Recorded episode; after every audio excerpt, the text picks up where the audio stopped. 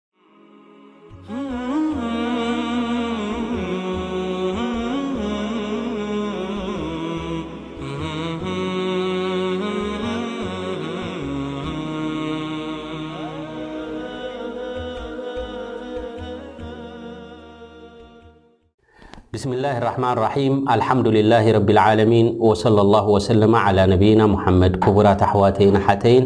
السلام عليكم ورحمة الله وبركاته ኣبت ትنتن ني شرح الأسول الثلاثة እنጠقسنا الና ኣبتن مراتب ني دين ምኽንያቱ እንታይ እዩ ዲንካ ተባሂልካ ኣብቲ ቀብሪ ምስ ኣተኻ ስለ ትሕተት ጉዳይ ናይ ዲን ክንፈልጦ ኣለና ኢልና መራትብ ናይ ዲን ድማ ኣልእስላም ወልኢማን ወልእሕሳን ዝብል ጠቒስና እቲ ኣልእስላም ወዲእና ኣብቲ ኣልኢማን እተን ሓሙሽተ ኣርካን ኣልኢማን ጠቒስና እታ ሻድሸይቲ ኣልኢማን ቢልቀደር ትብል ኣብኣ ክንትንትንና ብድሕሪኡ ኣብቲ ናይ እሕሳን ክንከይድና ማለት እዩ። ኢዘን ወቀውሉ ወትእሚና ብልቀደሪ ኸይርሂ ወሸርሂ ክብል ከሎ ኣልቀደር ማለት ህዋ ኩሉ ማ ዩጅሪህ ላሁ ፊ ሃዘ ልከውን ኩሉ ነገራት ኣብዚ ከውን እዚ ኣብዚ ዱንያ እዚ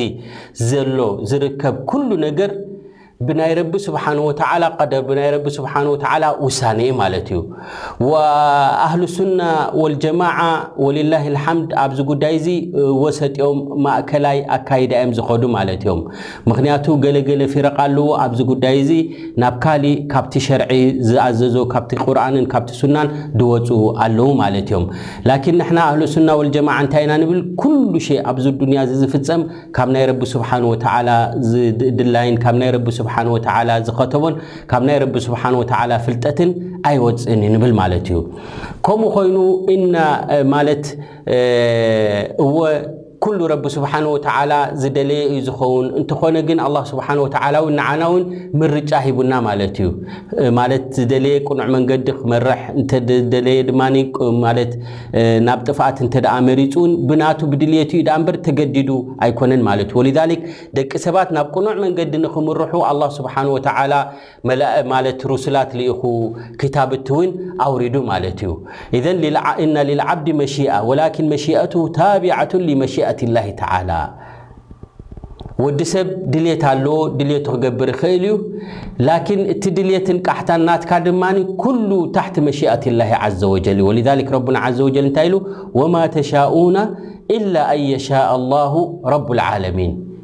ያኒ ንሕና ብዝደለናዮ ጥራሕ ዘይኮነ ኩሉ መን ብዝደለየ እዩ ዝኸውን ማለት እዩ ረቢ ስብሓን ወተዓላ ዝደለየ እዩ ዝኸውን ማለት እዩ እዘን ኣብዚ ኣያ እዚኣ ነፈ ኣን ተኩነ ለሁም መሽኣ ኢላ ብመሽኣት ላሂ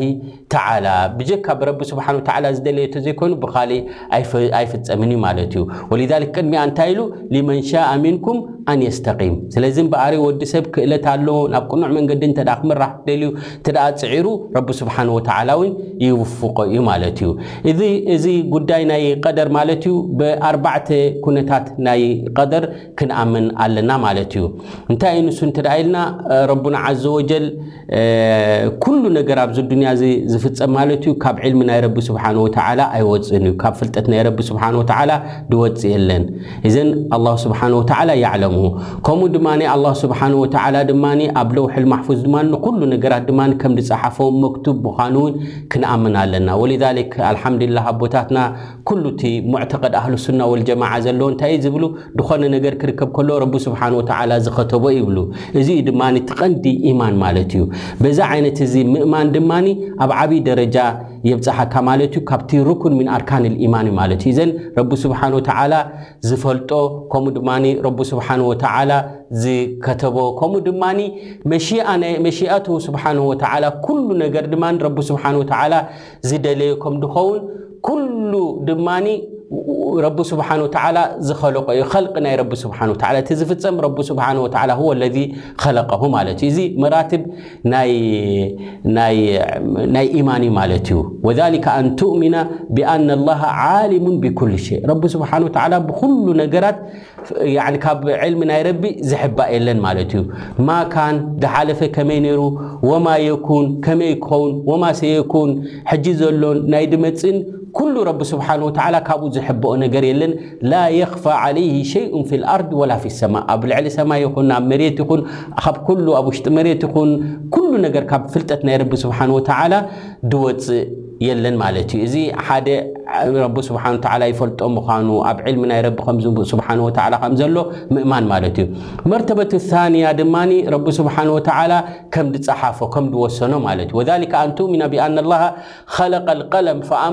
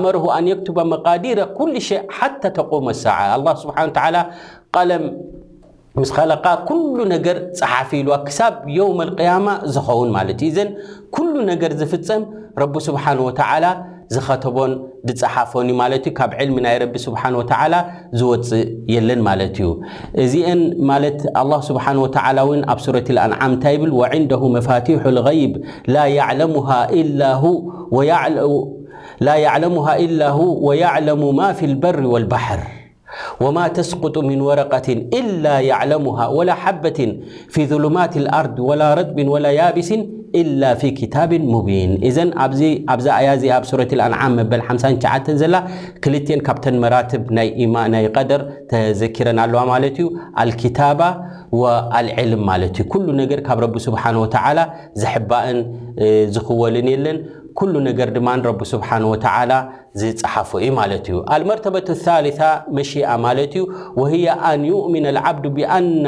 ማ ሻእ ኣላሁ ካን ኩሉ ረቢ ስብሓን ወተዓላ ዝደለዮ ከም ዝኸውን ሓደ ባርያ ክፈልጥ ኣለዎ ማለት እዩ። ወማ የሻኡሁ የኩን እቲ ረቢ ዝደልዮ እዩ ዝኸውን ማለት እዩ። ወማ ለም የሻእሁ ለም የኩን እቲ ረቢ ስብሓን ወተዓላ ዘይደልዮ ድማ ኣይከውንን እዩ ማለት እዩ። ኢዘን ፈቱእሚን ብኣነ ኣላሃ ኢዛ ሻኣ ሸይኣን ካን ወኢዛ ለም የሻእ ሸይኣን ለም የኩን ረቢ ስብሓን ወተዓላ እንተ ደልዎ ሓደ ጉዳይ ከም ዝኸውን ረቢ ስብሓን ወተዓላ እንተ ዘይደልዎ ድማ ከም ዘይከውን ኩሉ ነገር ታሕቲ መሽኣት ላሂ ስብሓን ወተዓላ ምዃኑ ክትፈልጥ ኣለካ ማለት እዩ እዚ ሓደ ካብቲ ኣልዕልሙ ብመሽኣት ላሂ ማለት እዩ ኢዘን ወረቡና ዓዘ ወጀል እውን እንታይ ኢሉ ወማ ተሻኡና ኢላ ኣየሻእ ኣላሁ ረቡልዓለሚን ብጀካ ረቢ ስብሓን ወተዓላ ዝደለየ ተዘይኮይኑ ካሊእ ዝኸውንን ዝፍፀምን የለን ማለት እዩ እታ ራብዐይቲ ደረጃ ድማ ክንኣምነላ ዘለና ማለት እዩ ወህዋ ኣን ዩእሚና ብኣነ ላህ ወ ለዚ ኸለቀ ኩሉ ሸይ ኩሉ ነገር ረቢ ስብሓን ወተዓላ እዩ ኸሊቕዎ ወሊዛሊክ ረቡና ዓዘ ወጀል ኣብ ሱረት ዙመር መበል 63 ኣያ እንታይ ኢሉ ኣላሁ ኻሊቁ ኩሉ ሸይ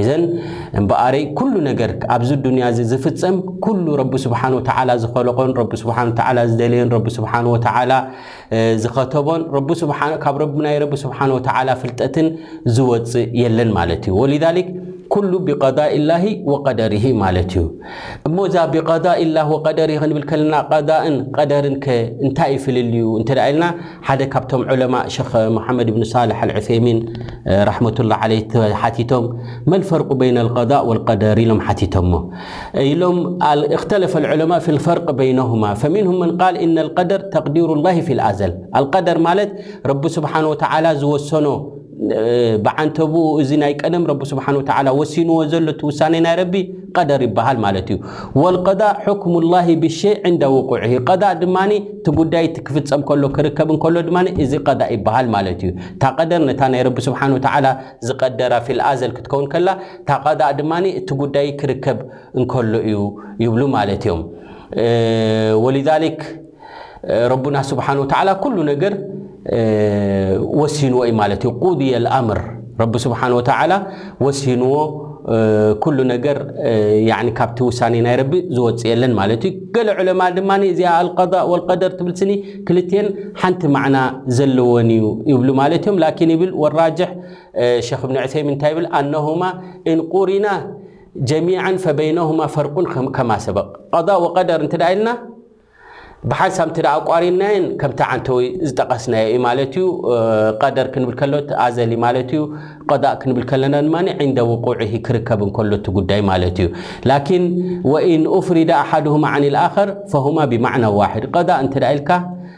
ከምኡ ድማ ቐደር እዩ እንተ ደኣ ኢልካ ክልቲኤን ሓደ ማዕና ደሓዘ እየን እንተ ደኣ ነጺልካ ትጠቕሰን ኣለኻ ኮይንካ ማለት እዩ። ኢዘን ረቢ ስብሓነሁ ወተዓላ ኩሉ ነገር ዝወሰኖን ካብቲ ዕልሚ ናቱ ከም ዘይወጽእን በዚ ክንገልጾ ዝጸናሕና ይበርሃልና ማለት እዩ። እምበኣረይ እተን ኣርካንል ኢማን ሽዱሽተ እየን ሽዱሽተ እየን ብሽዱሽተን ድማ ክትኣምን ኣለካ ከምዚ ክንጠቕሶ ዝጸናሕና ድማ ሙጅመል ዝኾነ ተኣምነሉ ከምኡ ድማ ሙፈሰል ዝኾነ ክትኣምነሉ ዘለካ ጉዳይ ኣሎ ማለት እዩ ኩላ ግዜ ኣብቲ ጉዳይ ናይ ኢማን ክኸውን እንከሎ ዝያዳ ዕምቀት ዝያዳ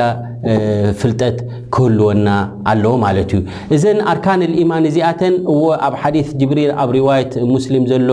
ኣብቲ መሽሁር ዝኾነ እወ ተጠቒሱ ኣሎ ማለት እዩ። ከምኡ ድማ ኣብ ቁርኣን ኣልከሪም ድማ እዘን ሽዱሽተ ኣርካን ኣልኢማን ድማ ምኽንያቱ ኣገዳሲ ስለ ዝኾና ኩሉ ሰብ እውን ክፈልጠን ስለ ዘለዎ እሰን መሰረት ስለ ዝኾና እውን ኣብ ቁርኣን ኣልከሪም እውን ተጠቒሱ ኣሎ ማለት እዩ እዚ እዘን ኣርካን ኣልኢማን ማለት እዩ ወሊዛሊክ ረቡና ዓዘ ወጀል ብዛዕባ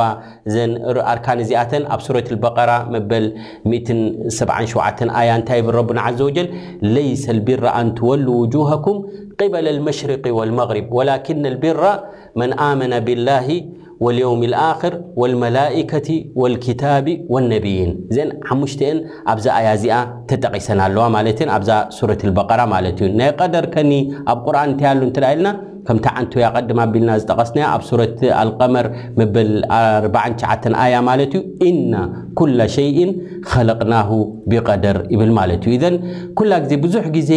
እዘን ሓሙሽተ ብሓንሳብ ተታሓሒዘን ኣብ ኣያት ናይ ቁርኣን ይጥቀሳ ማለት እዩ ወሊዛሊክ ኣብ ኣዋኽር ናይ ሱረት ኣልበቀራ እውን ረቡና ዓዘ ወጀል ኣመነ ረሱሉ ቢማ ኡንዚለ ኢለይሂ ሚን ረቢሂ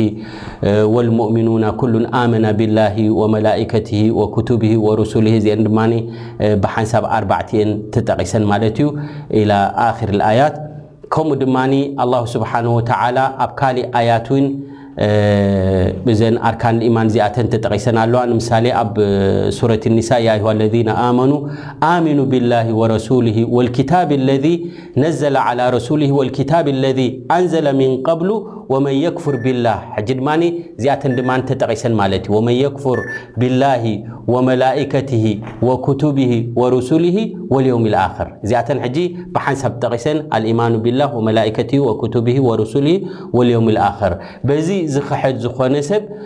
ፈቀድ ደላ ደላለን በዒዳ ኢሉ ረቡና ዓዘ ወጀል ማለት እዩ እዘን ዑለማ እንታይ ይብሉ እዚ ጉዳይ ናይ ኢማን እዚ ጉዳይ ናይ ተውሒድ እዚ ዝያዳ ኣብ ኩሉ ሰባት ክፍለጥ ዘለዎ ንደቅና ንንስትና ንኩሉ እዚ ጉዳይ እዚ ክንዝርግሖ ኣለና በዚ ፍልጠት እዚ ዕሙቕ ዝበለ ኩላ ግዜ ኣብ መልሓስና ክህልው ኣለዎ እዚ ጉዳይ ናይ ኣርካን እስላም ናይ ኣርካን ኢማን ማለት እዩ ምክንያቱ እቲ ቀንዲ መሰረት ተውሒድ እዩ ማለት እዩ ዓቂዳ እዩ እምነት እዩ ማለት እዩ እዘን እንተ ከምኡ ኮይኑ ብዛዕባ ጉዳይ ናይ ተውሒድ ጉዳይ ናይ ዓቂዳ እንተ መብዛሕቱ ግዜ ኣብ ዝኾነ ይኹን መጃለስ ኣብ ዝኾነ ቦታና እተ በዚ ጉዳይ እዚ እተ ደይ ንዛርብ እተ ኮይና ዓብይ ጉድለት ኣለና ማለት እዩ እንታይ ብዝያዳ እዩ ክፍለጥ ዘለዎ ጉዳይ ናይ ተውሒድ ስለ ዝኾነ ኣብዚ ኩነት እዚ ዝያዳ ዓሚቕ ፍልጠት ክህልወና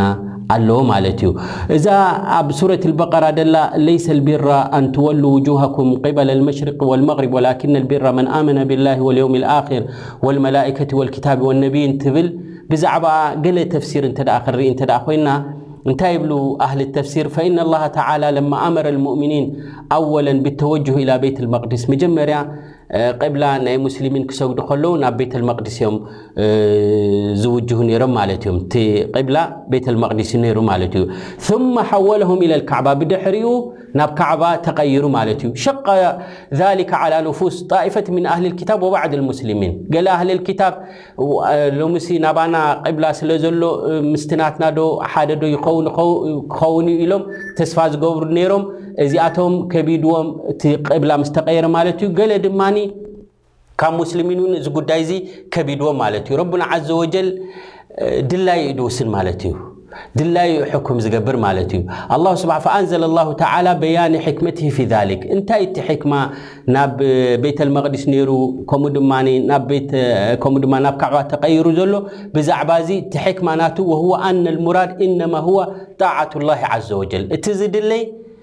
ቀንዲ እንታይ እንተ ተባሂልኩ እንተ ተባሂሉ ጣዓ ናይ ረቢ ስብሓን ወተዓላ እዩ ወምትታሊ ኣምር ኣዋሚርሂ ወተወጁ ሓይማ ወጃህ እቲ ሸርዒ ድኣዘዘካ ምስቲ ሸርዒ ኢኻ ክትከይድ ደለካ ድኣ እምበሪ ካብ ሸርዒ ክትቋርፅ የብልካን ወልዛሊክ ሸርዒ ኣዚዙ ነይሩ ናብ የማኒ ናብ ቤተልመቅዲስ ኢሉ ናብ ቤተልመቅዲስ ትኸውን ካብ ቤተልመቅዲስ ድማ ናብ ካዕባ ድማ ተቀይሩ ድማ ናብ ካዕባ ድማ ትቅየር ማለት እዩ እዘን እዚ እንታይ ዘረዲ ማለት እዩ ኢልትዛም ሸርዕላ እትባዕ